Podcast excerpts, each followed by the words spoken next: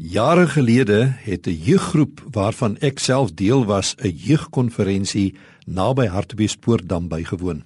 Daar was so 120 van ons wat van reg oor die land saamgetrek het. 'n Groot klomp van ons het hier uit ons eie kontry gery en ons het ons gasspreker eenvoudig net geniet. Hy het gepraat oor die persoon en werk van die Heilige Gees.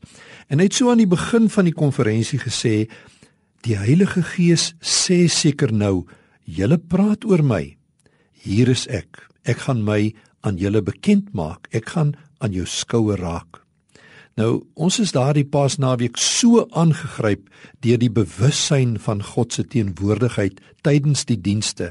En sommer so wanneer ons saam tee gedrink het of by die etenstafel gesit het, het ons bewus gebly dat God is aan die werk hier tussen ons. In groepies van 2 en 3 het jong mense onder mekaar verkeer en ouppies het op die terrein by mekaar verbygestap en en skielik was dit sommer net merkbaar dat daar trane was, 'n geseënde gebrokenheid.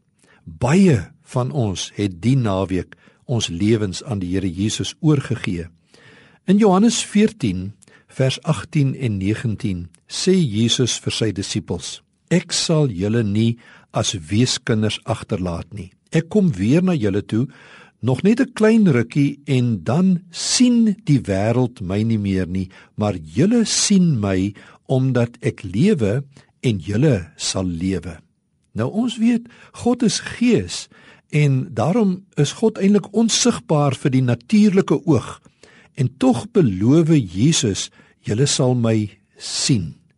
Jesus praat natuurlik van die merkbare teenwoordigheid van die Heilige Gees by die mense wat in hom glo en die wat deur hom lewe.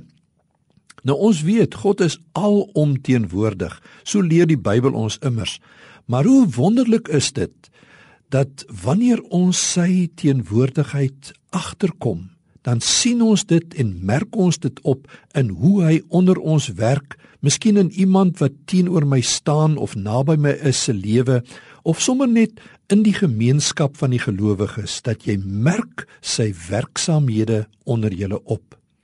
Wanneer hy ons in tye van droefheid troos, dan raak jy bewus van sy teenwoordigheid. Wanneer hy in tye van siekte iemand aanraak, dan raak jy bewus van sy teenwoordigheid. Wanneer jy in tye van swakheid ervaar dat God kom vermenigvuldig krag, dan is dit sy besondere, magtige teenwoordigheid. Nou kom ek en jy praat met hom vandag. Here, ons praat nou met u. Ons het ook nou oor u gepraat. Laat tog u teenwoordigheid, Here, hier waar ek nou sit, 'n merkbare werklikheid in my lewe wees.